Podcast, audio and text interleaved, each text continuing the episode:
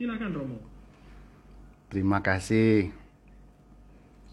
Saudara-saudari, apakah mendengar suara saya? Boleh mengangkat tangan jika mendengar dengan baik suara saya. Baik, terima kasih. Terima kasih. Shalom alaikum semuanya. Saya akan share screen supaya kita bisa mendalami tema ini berdasarkan firman Tuhan yang disampaikan pada kita dalam kitab suci. Apakah sudah full screen? Sudah full screen? Anda bisa? Sudah ya? Baik, baik. Oke, saya taruh di sini. Ya, saudara-saudari, tema kita adalah purgatorium atau dalam bahasa Indonesia adalah api penyucian. Jangan sampai salah dalam mengucapkan istilah karena itu dua hal yang berbeda. Kadang-kadang orang mengatakan api pencucian. Tapi ini yang benar penyucian dari kata dasar suci jadi disucikan, bukan dicuci ya. Kalau cuci itu kan laundry. Nah, Tuhan kan bukan bukan tukang laundry ya.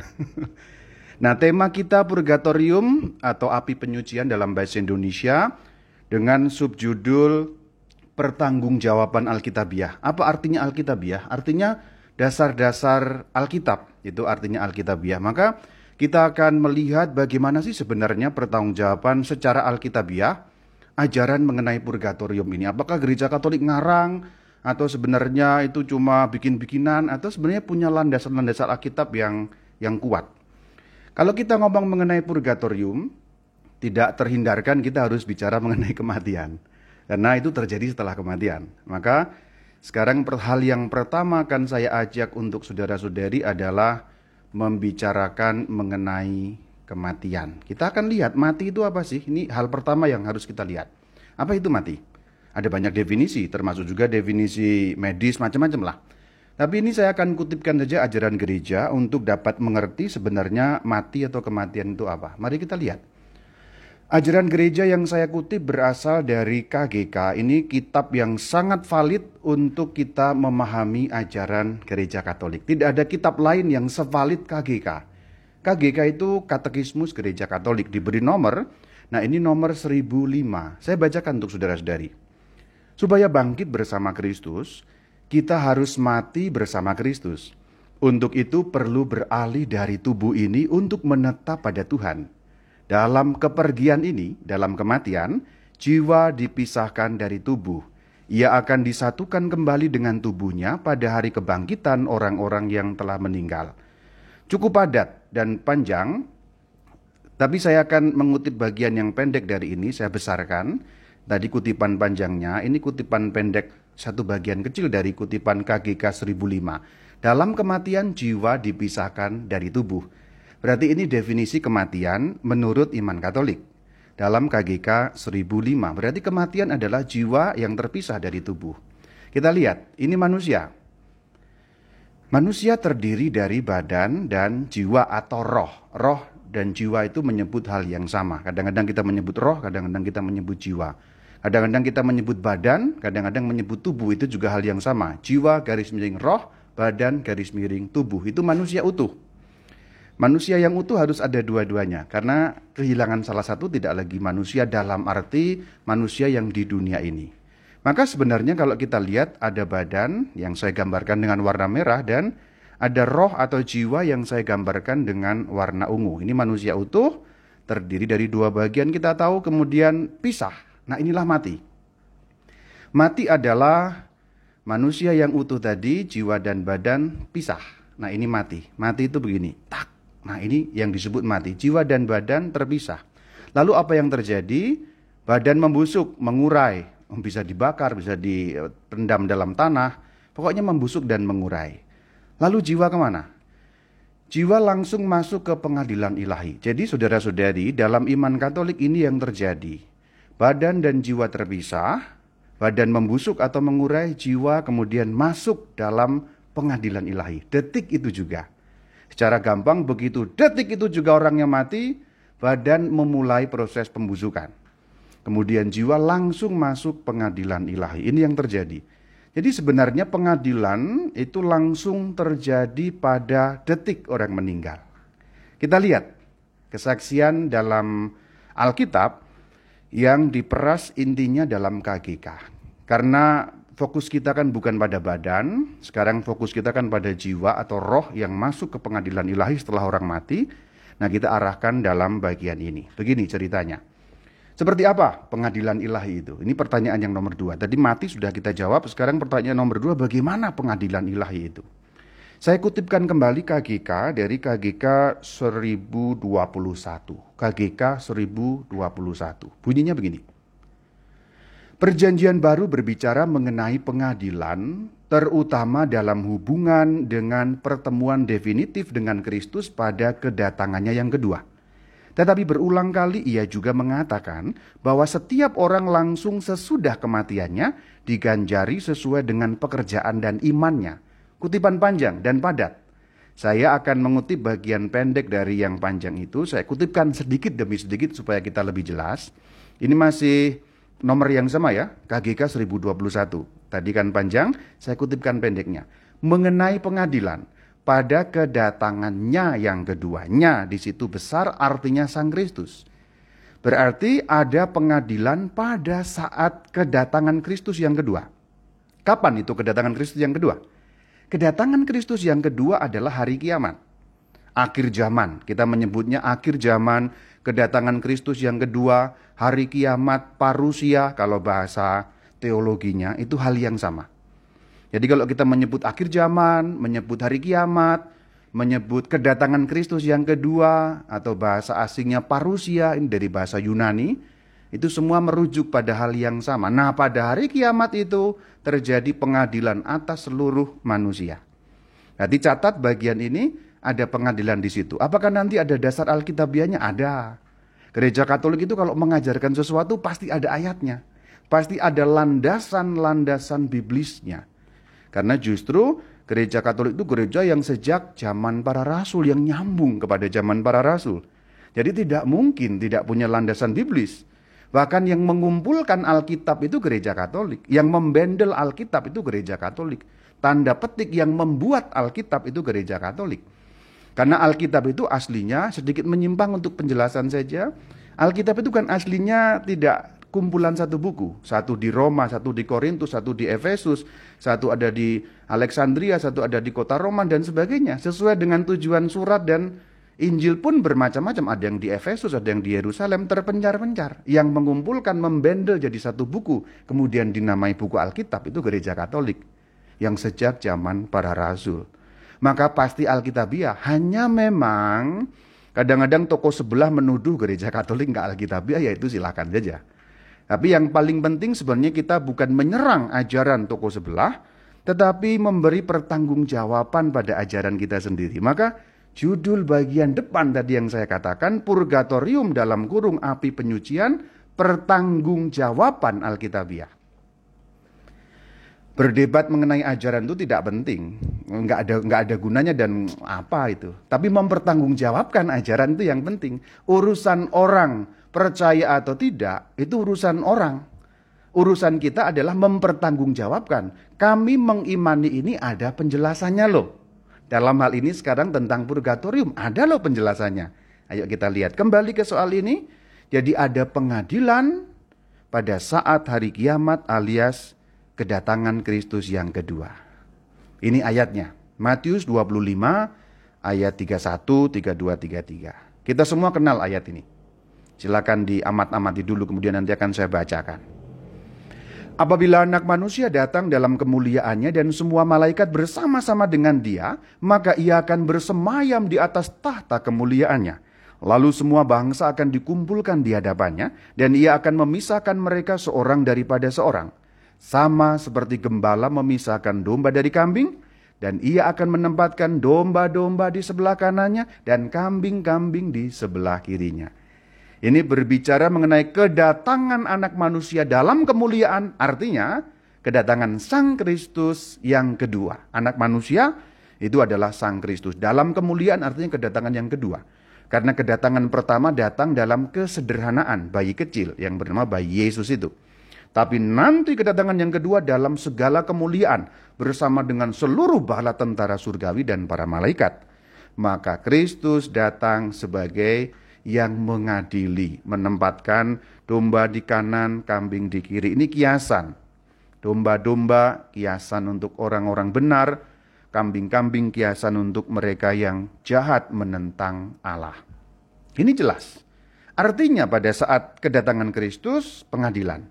Namun saudara-saudari, KGK pada nomor yang sama 1021 juga menyatakan ada pengadilan yang lain. Berarti ada dua pengadilan.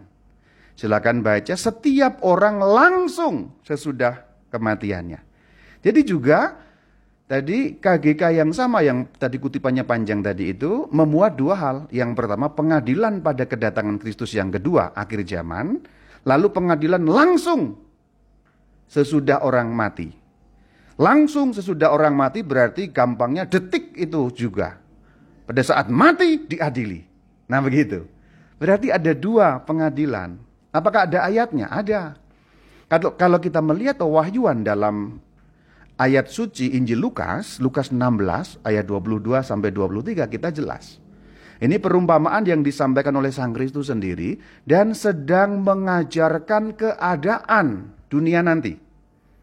Jadi ini perumpamaan atau pengajaran Sang Kristus yang sedang mewahyukan keadaan mengenai alam nanti. Kita lihat. Kemudian matilah orang miskin itu, lalu dibawa oleh malaikat-malaikat ke pangkuan Abraham. Orang kaya itu juga mati lalu dikubur. Dan sementara ia menderita sengsara di alam maut, ia memandang ke atas dan dari jauh dilihatnya Abraham. Dan Latsarus duduk di pangkuannya. Ini mengenai Latsarus yang miskin dan berborok-borok itu dengan orang kaya. Perhatikan bahwa si miskin alias Lazarus dan si kaya yang tidak bernama keadaan atau nasibnya berbeda di alam nanti. Keadaan Lazarus pada saat dia mati itu juga kepangkuan Abraham, artinya kebahagiaan. Sementara orang kaya itu mati dikubur menderita sengsara di alam maut. Berarti Sang Kristus mewahyukan kepada kita detik saat orang meninggal langsung jelas nasibnya ada di mana. Apakah dalam kebahagiaan, apakah dalam kesengsaraan. Ya, ini ayatnya yang menyatakan berarti setelah orang mati langsung ada. Pengadilannya dua. Ayat yang lain. Dari ayat suci Injil Lukas 23 ayat 43. Ini cerita mengenai apa? Mengenai penyamun ya yang disalibkan bersama-sama. Kata Yesus kepadanya, kepada penyamun itu ya. Aku berkata kepadamu sesungguhnya hari ini juga engkau akan ada bersama-sama dengan aku di dalam Firdaus. Kita tahu Firdaus itu dari kata di dalam bahasa Arab Firdaus, akarnya itu dari bahasa Yunani, paradiso. Paradiso di Inggris kan menjadi paradise, kemudian diarabkan menjadi al-firdaus, lalu kita serap dalam bahasa Indonesia firdaus, paradiso, paradise. Jadi engkau bersama-sama dengan aku di paradiso. Kenapa kok menjadi Firdaus? Karena lewat bahasa Arab. Kalau Arab itu ngomong P kan susah. Ya. Maka paradiso, orang Inggris ngomong paradise, orang Arab ya al-faradis, al-farados. Nah gitu. Jadi Firdaus itu paradiso, paradise, surga. Dalam kebahagiaan. Detik itu juga pada saat mati. Hari ini juga. Tidak nunggu akhir zaman. Artinya saudara-saudari, KGK 1021 memberi penegasan sekali lagi. Perumpamaan tentang Lazarus yang miskin dan kata-kata Kristus yang disampaikan di salib kepada penyamun yang baik. Tadi dua teks yang dikutip. Demikian juga teks-teks lain dalam perjanjian baru. Masih ada teks yang lain, saya hanya tunjukkan dua yang begitu jelas. Berbicara tentang nasib tetap bagi jiwa. Yang dapat berbeda-beda untuk masing-masing manusia. Nasib tetap itu istilah terjemahan untuk menyatakan keadaan tetap. Kita lihat yang teks ini ya, teks yang lebih singkat. Ini yang panjangnya ini saya kutipkan ini. Tentang nasib tetap bagi jiwa. Maksudnya nasib tetap itu keadaannya tetap. Maksudnya keadaannya tetap itu bagaimana? Lazarus masuk dalam kebahagiaan, dia tetap bahagia. Artinya kekal. Kemudian si kaya dalam penderitaan, dia tetap di situ. Itu artinya nasib tetap itu begitu. Jadi begitu mati, yang bahagia gampangnya surga, tetap di surga terus sampai kekal. yang menderita gampangnya di neraka, sengsara terus sampai kekal, tidak ada perubahan. Si kaya tetap menderita, si Lazarus tetap bahagia. Seperti juga si penyamun yang baik tadi itu. Itu yang dimaksud dengan istilah yang saya beri warna kuning itu nasib tetap bagi jiwa itu artinya seperti itu. Ini penegasan sekali lagi 1021. Setiap orang langsung sesudah kematiannya. Artinya sebenarnya Alkitab dari data-data Alkitab tadi itu landasan-landasan Alkitabiahnya atau landasan biblis istilahnya yang kemudian di diperas, disarikan, intisarinya ditulis dalam KGK 1021 mengatakan setiap orang langsung sesudah kematiannya langsung nasibnya tetap. Jadi gampangnya kalau ada dua orang, Bayu dengan siapa ya? Ya dengan uh, Yusa gitu aja ya. Mohon maaf kalau ada kesamaan nama ini fiktif belaka ya. tidak disengaja ini. Bayu dan Yusa. Ini tidak disengaja hanya bersifat fiktif belaka. Kalau ada kesamaan nama dan tokoh kayak sinetron dulu. Bayu meninggal dunia. Tung. Kamu Bayu jahat. Masuk neraka. Nah begitu mati itu si Bayu ini langsung ada di neraka kekal di situ. Itu yang dimaksudkan nasib tetap. Sementara Yusa diadili juga, meninggal diadili. Yusa kamu begini banyak pengabdian setia pada Kristus, surga. Yusa tetap di surga sampai kekal, Bayu tetap modar di neraka. Itu yang maksudnya nasib tetap langsung sesudah kematiannya itu begitu. Yang artinya begitu. Dan itu data Alkitabnya jelas sekali. Maka hal pertama yang harus kita tahu sebelum bicara mengenai purgatori adalah setelah kematian kita akan mengalami dua kali pengadilan. Ini tema tersendiri sebenarnya, tidak akan saya jelaskan, intinya begitu, dan data Alkitabnya pun jelas sekali. Pengadilan khusus, pengadilan terakhir. Akan saya jelaskan sedikit perbedaan dan persamaannya. Pengadilan khusus yang pertama. Pengadilan khusus terjadi saat kematian dan satu persatu orang. Jadi begitu saat kematian diadili dan itu berarti kan satu persatu tergantung matinya. Matinya kan beda-beda. Itu namanya pengadilan khusus. Mati diadili, mati diadili, mati diadili, mati diadili. Itu pengadilan khusus. Saat kematian orang tersebut dan satu persatu urutannya.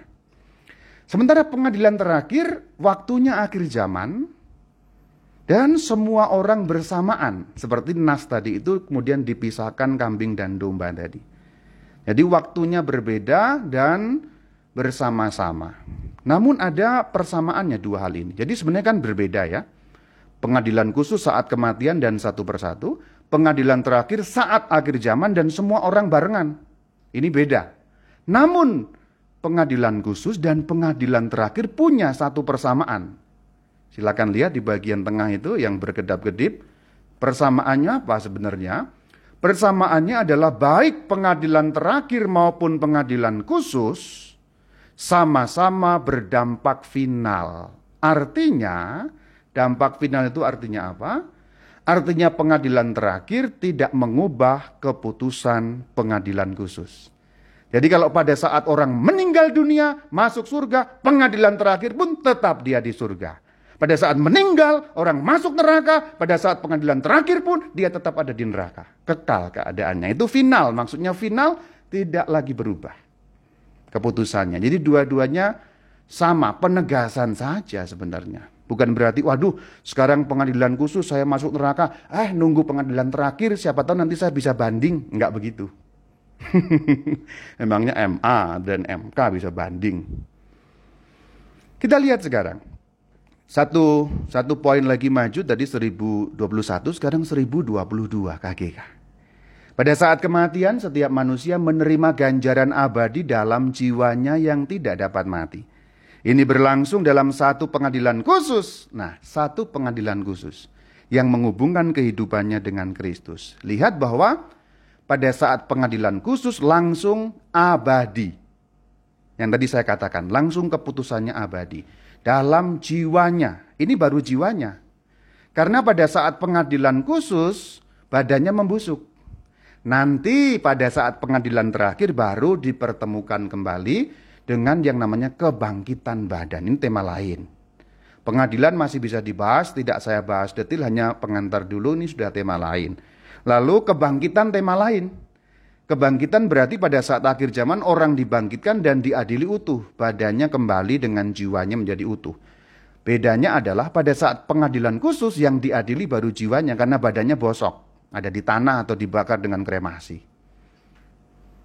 Nanti pengadilan terakhir, utuh kembali jiwa dan badan disatukan yang namanya tubuh kebangkitan. Nah tubuhnya beda ya sama. Ya sama ya beda. Tema lain tidak akan saya jelaskan. Nah ini. Lalu keputusan final itu apa? Tadi kan baru ngomong keputusan final, keputusan final dalam pengadilan ilahi tadi loh. Apa keputusan? Apa saja sih keputusannya? Ada dua sebenarnya. Kita lihat. Ada dua tapi tiga cara. Nah, apa itu? Mari simak bersama-sama. KGK 1022.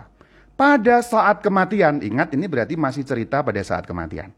Dalam satu pengadilan khusus yang menghubungkan kehidupannya dengan Kristus. Lah, ini keputusannya sekarang entah masuk ke dalam kebahagiaan surgawi melalui satu penyucian, atau yang kedua, langsung masuk ke dalam kebahagiaan surgawi, ataupun yang ketiga, mengutuki diri selama-lamanya. Saya ulang, entah masuk ke dalam kebahagiaan surgawi melalui suatu penyucian, itu yang pertama.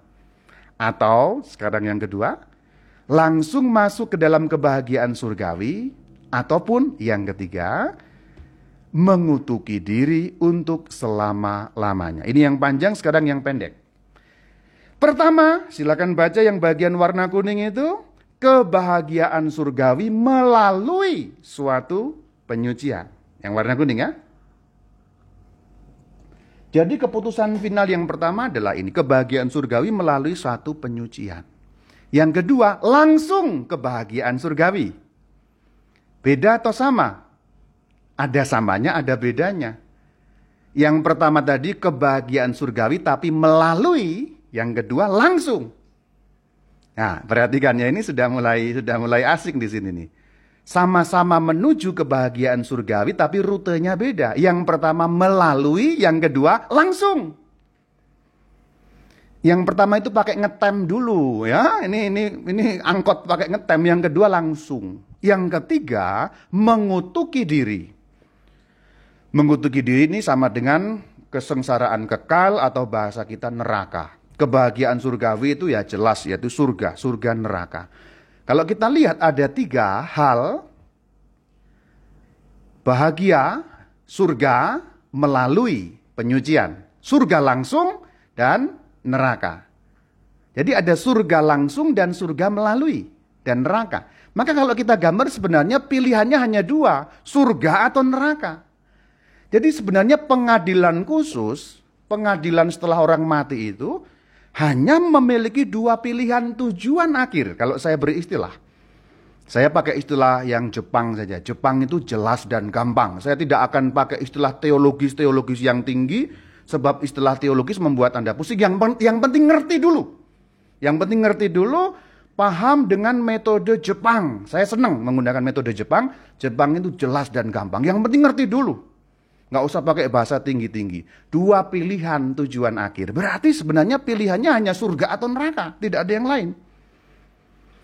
Maka kalau saya istilahkan ini dua pilihan tujuan akhir. Kalau orang mati diadili, hanya surga atau neraka, keputusannya hanya dua itu. Tujuan akhirnya itu hanya dua. Atau surga atau neraka.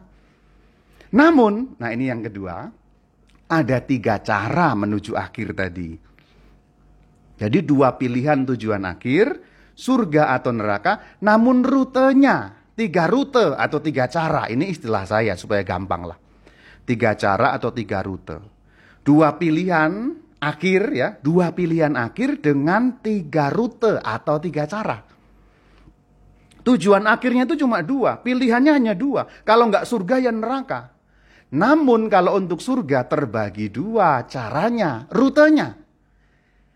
Rute yang pertama langsung cus, saya beri istilah itu cus, langsung surga, cus naik ya, surga langsung. Cara yang kedua, surga melalui penyucian. Nyicil. Nggak kontan ini nyicil ini. Yang pertama tadi cus. Yang kedua nyicil. Tapi sama-sama akan ketemu di surga nanti. Baik yang langsung maupun yang nyicil itu ketemunya di surga nanti. Ujungnya tujuan akhirnya surga. Namun yang satu langsung karena kuat mampu bayar kontan, istilah gampangnya.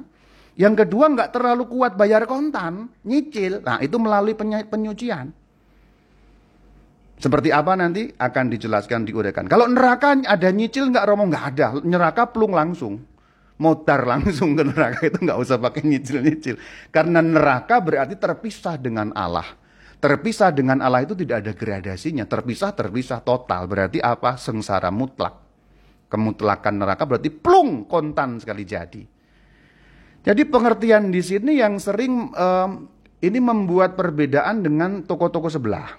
Kristen-Kristen lain, Kristen yang non-Katolik, stop. Saya mau kutip sedikit supaya jangan salah paham. Kalau saya nanti ngomong Kristen, jangan pernah dibayangkan ini tetangga sebelah. Kalau tetangga sebelah itu protestan. Kita ini Kristen loh, jangan salah loh. Kita ini Kristen Katolik, yang di sana Kristen Protestan. Sayangnya di Indonesia, di Indonesia, istilah Kristen itu biasanya untuk yang toko sebelah. Padahal kita ini Kristen, we are Christian. Kristen yang paling awal, Kristen yang paling asli. Yang lain kan memisahkan diri sebenarnya. Oke, itu bukan tema kita. Hanya mau mengatakan, kalau saya ngomong Kristen, itu kita ya. Jangan ada pikiran itu sebelah. Kalau saya ngomong tentang sebelah, saya akan jelas mengatakan protestan. Nah itu, ingat. Kristen, we are Christian. Kembali ke sini. Yang sering menimbulkan ya eh, perdebatan atau pembicaraan adalah hanya ada surga dan neraka. Ya betul, itu betul. Katolik juga mengatakan begitu. Sama di situnya. Hanya kalau yang toko sebelah mengatakan langsung semuanya.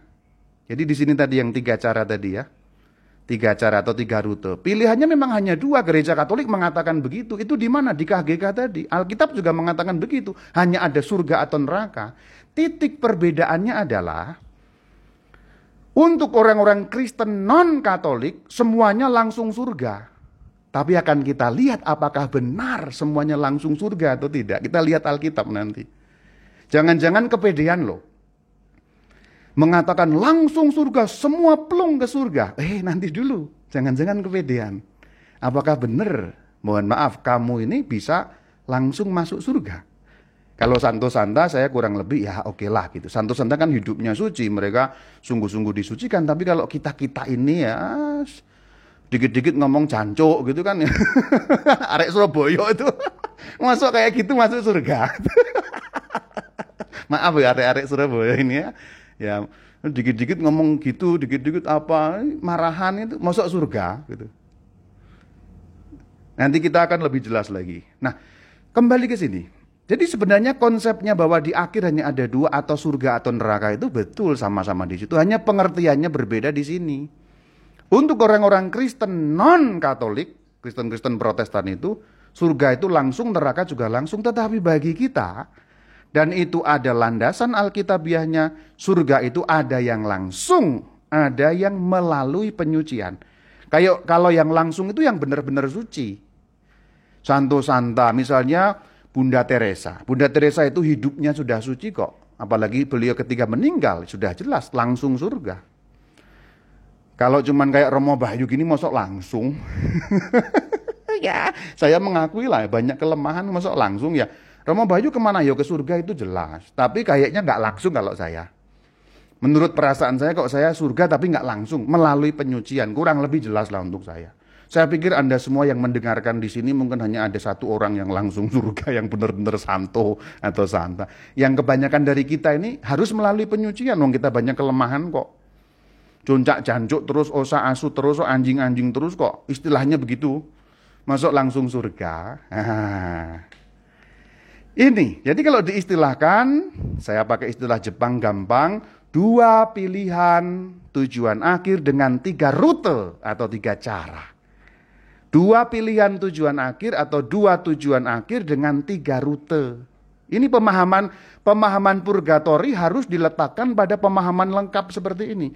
Kalau pemahamannya tidak lengkap nanti kacau. Dikira ada cabang tiga. Oh tidak, hanya ada dua. Atau surga atau neraka. Nah pemahaman di sini banyak orang Katolik gagal bahwa kalau orang mati pilihannya tiga. Loh tiga ke mana? Surga, neraka, api penyucian. Oh tidak. Api penyucian, kalau bahasa Jepangnya, bahasa Jepangnya, bahasa jelas dan gampangnya. Api penyucian itu bagian dari surga. Gampangnya begitu. Nanti pernyataan KGK sangat jelas bahwa api penyucian itu bagian dari surga. Lihat saja tadi itu. Kalau kita melihat dalam pernyataan KGK 1022 tadi yang di sini ya. Masuk ke dalam kebahagiaan surgawi, perhatikan rumusannya, masuk ke dalam kebahagiaan surgawi melalui suatu penyucian. Surga kan? Surga tapi melipir dulu. Berarti penyucian purgatorium bagian dari surga. Yang kedua langsung, yang ketiga baru neraka tadi. Jadi pemahaman ini dua pilihan dengan tiga rute. Maka kalau kita mengerti ini dengan baik itu clear. Konsepnya dulu, ini konsepnya seperti ini perlu paham. Nah nanti setelah konsepnya dimengerti, kita lihat landasan Alkitabiahnya. Kenapa gereja Katolik percaya dua pilihan tiga rute? Ini rumusan gampangnya begitulah. Ini kalau di buku-buku teologi nggak ada ya. Ini ini rumusan Romo Bayu ya untuk menggampangkan Jepang, jelas dan gampang. Sehingga pemahaman Anda ini sekarang saya pasang, Anda mohon maaf pelototin ini. Gambar ini Anda pelototin sehingga mengerti dunia seberang kematian. Ini kuncinya ada pada bagian ini, saya gambar ini. Dua pilihan, tiga rute. Dua pilihan, tiga cara. Surga neraka ada yang melalui, ada yang langsung, neraka langsung. Nah, ini Anda foto kalau perlu. Ini adalah konsep dasar mengenai dunia setelah kematian. Dalam pandangan gereja yang satu kudus, katolik dan apostolik alias gereja katolik. Gitu ya. Surga itu kalau seperti apa? Nih, ini surga. Tadi sudah disampaikan di bagian bagian yang pertama tadi. Masuk surga jika orang matinya begini. Ada dua hal. Matinya kalau dalam rahmat dan persahabatan Allah. Dalam rahmat dan persahabatan Allah itu bagaimana? Berarti dia berada dalam status rahmat. Wah, itu susah bahasanya. Status rahmat itu seperti apa? Lengkap sakramennya, gampangnya begitulah. Sebelum meninggal dia sudah terima sakramen tobat, sudah terima komunis sebagai viatikum, lengkap itu berarti dalam status rahmat. Dilengkapi dengan rahmat Allah. Persahabatan dengan Allah itu berarti apa? Kembali kepada Allah, tidak menentang Allah dalam pertobatan. Yang nomor dua dengan disucikan sepenuhnya. Artinya silih-silih dosa sudah dilakukan semuanya berarti sudah full sucinya. Sucinya full. Nah itu yang dimaksudkan disucikan sepenuhnya. Ini jelas langsung surga. Ini santo santa. Contoh yang gampang kita lihat yang sudah menjadi seorang kudus yaitu Suster Teresa dari Kolkata, dari Kalkuta. Yaitu sekarang sudah menjadi Santa Teresa. Ya berarti itu masuk surga. Karena dalam rahmat persahabatan dan sudah disucikan sepenuhnya. Nah ini Kutipannya dari KGK 1023. Orang yang mati dalam rahmat dan persahabatan Allah dan disucikan sepenuhnya akan hidup selama-lamanya bersama Kristus. Mereka serupa dengan Allah dan seterusnya. Ini surga tadi itu. Mati dalam rahmat dan persahabatan.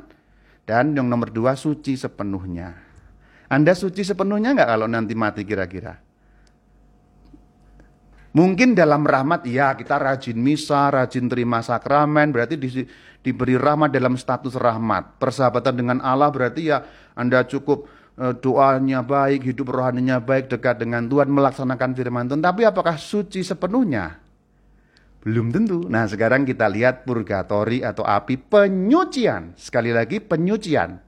Dari kata dasar suci. ya Maka purgatorium diterjemahkan api penyucian.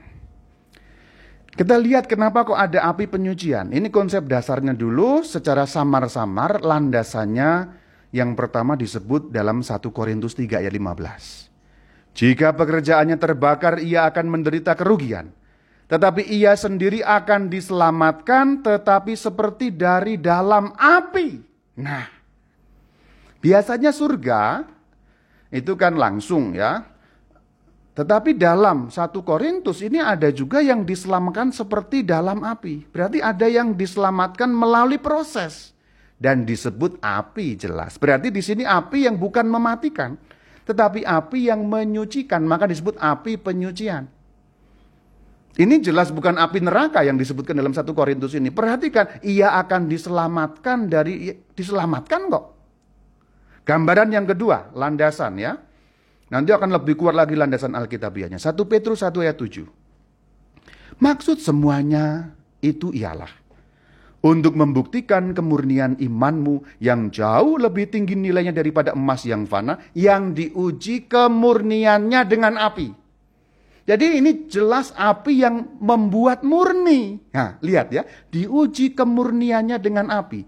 Berarti ada api yang bukan membinasakan seperti api neraka tapi api yang memurnikan, api yang menyucikan. Maka purgatorium, api pemurnian, api penyucian, saudara-saudari.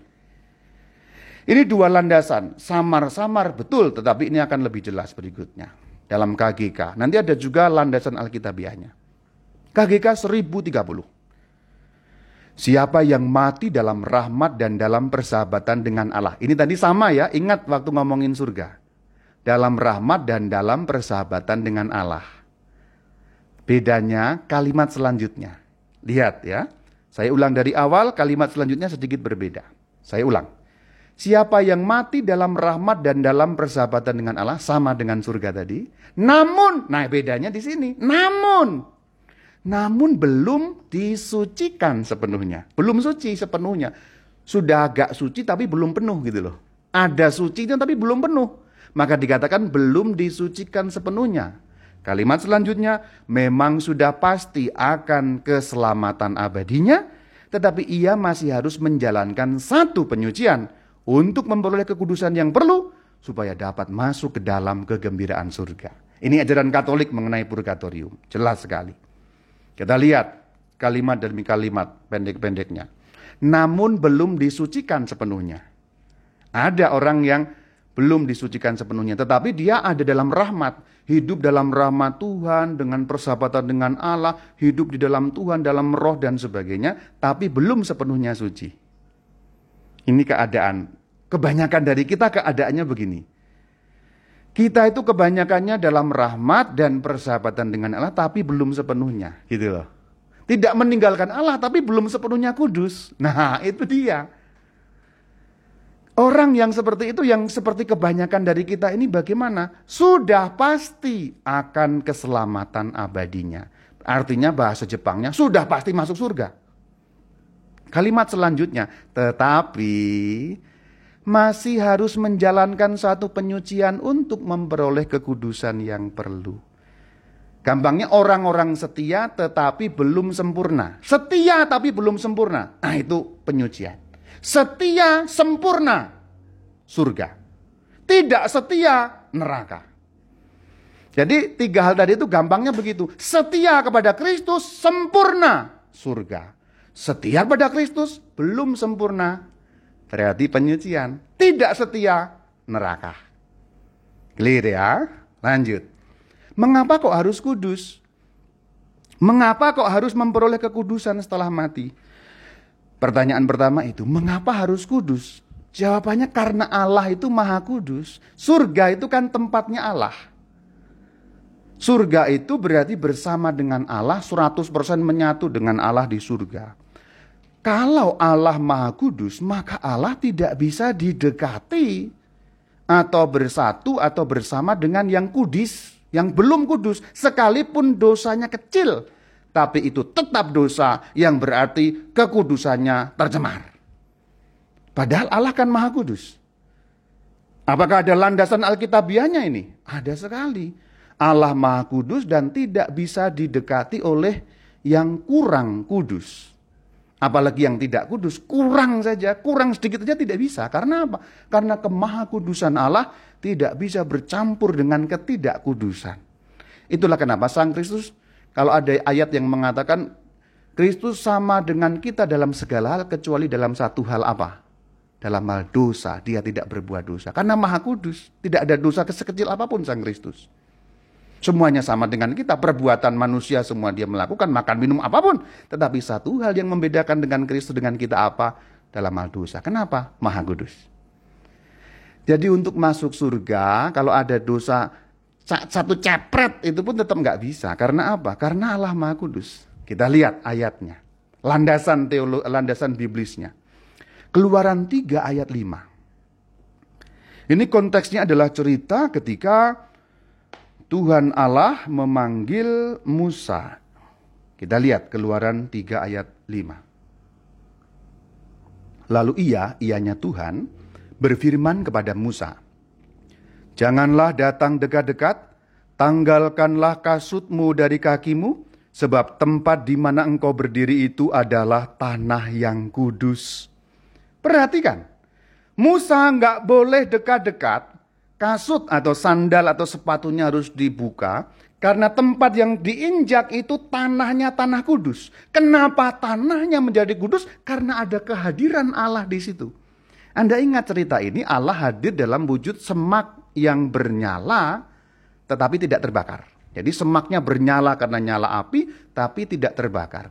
Artinya tanah Tanah loh saudara-saudari. Tanah itu menjadi kudus tanah.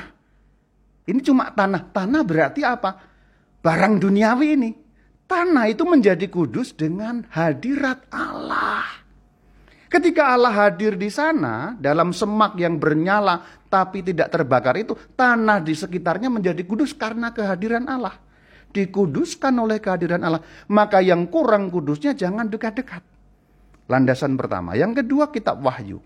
2127 tetapi tidak akan masuk ke dalamnya, maksudnya ke dalam surga, sesuatu yang najis atau orang yang melakukan dan seterusnya. Tetapi hanya namanya berarti surga, bahasa saya, zero dosa, nol dosa. Surga itu syaratnya nol dosa. Maka kalau kita yang setia ini masih ada dosa-dosa sedikit. Misalnya apa ngomongin temennya gitu-gitu. Dalam pelajaran kan kadang-kadang ngomongin si ini, ngomongin si itu, si itu ngomongin si ini. Ya itu lumrah kita manusia ada ke bawah baper-baper juga gitu. Tapi itu tetap dosa meskipun dosa tidak mematikan. Nah itu harus dibersihkan. Setia tapi belum sempurna dibersihkan supaya zero dosa. Karena untuk masuk surga harus zero dosa. Nol dosanya. Maka perlu proses pembersihan. Pertanyaannya, Apakah dosa bisa diampuni setelah kematian?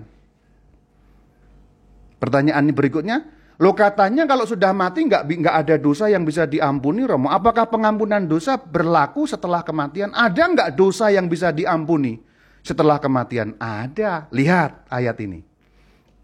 2 Makabe 12 ayat 45. Yudas yakin bahwa orang yang meninggal dengan saleh akan menerima pahala dan indah dan seterusnya. Karena itu, Ya, karena itu ia Yudas Makabe itu menyuruh mengadakan kurban pengampunan dosa supaya orang-orang yang sudah mati dilepaskan dari dosa mereka. Berarti yang sudah mati bisa dilepaskan dari dosa mereka. Yang berikutnya. Ini sekarang firman junjungan kita, Sang Kristus. Ini Sang Kristus sendiri. Kalau tadi, wah itu kan Yudas, Romo itu kan Makabe, itu kan perjanjian lama. Oke. Untuk yang mata ayatan, gua tunjukin ayat-ayatnya bro. Lihat Matius 12, 32. Yesus berkata, ini baginda kita, junjungan kita yang bicara. Apabila seorang mengucapkan sesuatu menentang anak manusia, ia akan diampuni. Tetapi jika ia menentang roh kudus, ia tidak akan diampuni, di dunia ini tidak, dan di dunia yang akan datang pun tidak. Di sini junjungan kita membedakan dua hal mengenai pengampunan dosa. Perhatikan bagian terakhir, ia tidak akan diampuni. Berarti bicara mengenai pengampunan di dunia ini. Berarti dunia sekarang ini tidak. Dan di dunia yang akan datang. Di dunia yang akan datang itu akhirat maksudnya, setelah kematian. Berarti di sini Sang Kristus sedang mewahyukan kepada umatnya bahwa pengampunan ada dua macam. Pengampunan yang berlaku di dunia ini selama kita hidup dan ada pengampunan yang nanti setelah kematian kita pun tetap ada yang bisa diampuni dosa-dosa itu. Jelas sekali ayat ini. 12, 32 Injil suci Matius. Ayat suci ini mengatakan jelas sekali. Pengampunan di dunia ini maupun nah, di dunia yang akan datang. Berarti ada dua jenis pengampunan. Pengampunan saat kita hidup, pengampunan setelah kita meninggal. Dosa jenis apa yang bisa diampuni? Dosa yang tidak mendatangkan maut. Gampangnya, dosa yang tidak membuat kita masuk neraka. Atau istilah katekismus dosa kecil. Karena ada dosa besar, ada dosa kecil. Dosa besar itu contohnya ya pembunuhan misalnya gampangnya begitu. Menghilangkan nyawa orang. Dosa kecil itu apa? Ya ngomel pada istri gitulah. Pak, bapak-bapak kalau Anda ngomel pada istri itu dosa kecil. Ingat, tidak membuat Anda masuk neraka. Dosa kecil untuk seorang ibu apa istri-istri ya cerewet sama suami ya gitulah ya. Cerewet pada suami ibu-ibu tidak membuat Anda masuk neraka. itu dosa yang tidak mendatangkan maut ya kalau hanya sekali dua kali kalau setiap hari ya kan jadi gede gitu. Tapi ada jenis dosa yang tidak mendatangkan maut. Ini kok Romo ngarang? Saya tidak ngarang, saudara. Ini kata firman Tuhan sendiri. 1 Yohanes 5 ayat 17. Perhatikan baik-baik. Semua kejahatan adalah dosa.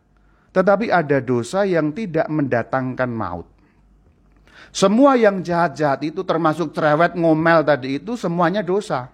Tetapi ada jenis dosa yang tidak mendatangkan maut. Tidak mendatangkan maut ini artinya apa? Ini suatu kiasan yang tidak membuat Anda masuk neraka. Yang masih bisa diampuni pada dunia yang akan datang.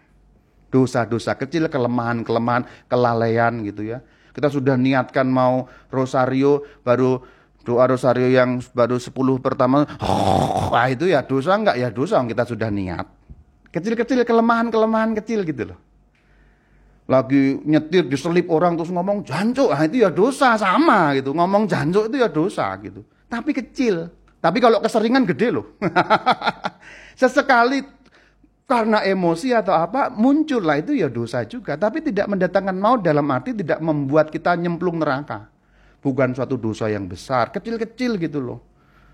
Kecil-kecil ya, tiba-tiba ada emosi atau apa ya itu hal yang ya biasa di jalan dan sebagainya. Dosa enggak dosa, tapi tidak mendatangkan maut kalau itu cukup jarang katakanlah begitu.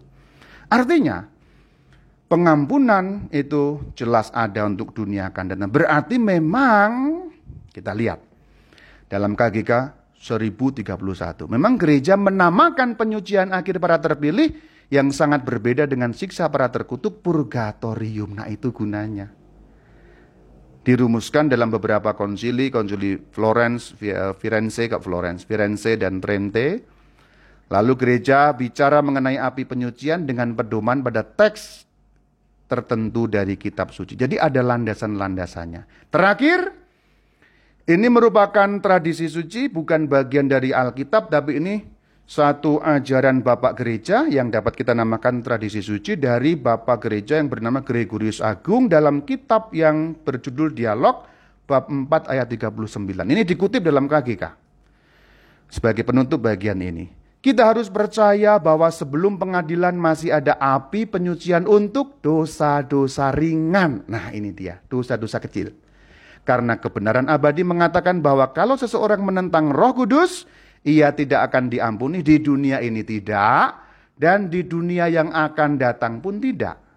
Santo Gregorius Agung mengatakan kalimat selanjutnya dari ungkapan ini, ungkapan ini yang maksudnya mana? Matius 12:32 tadi.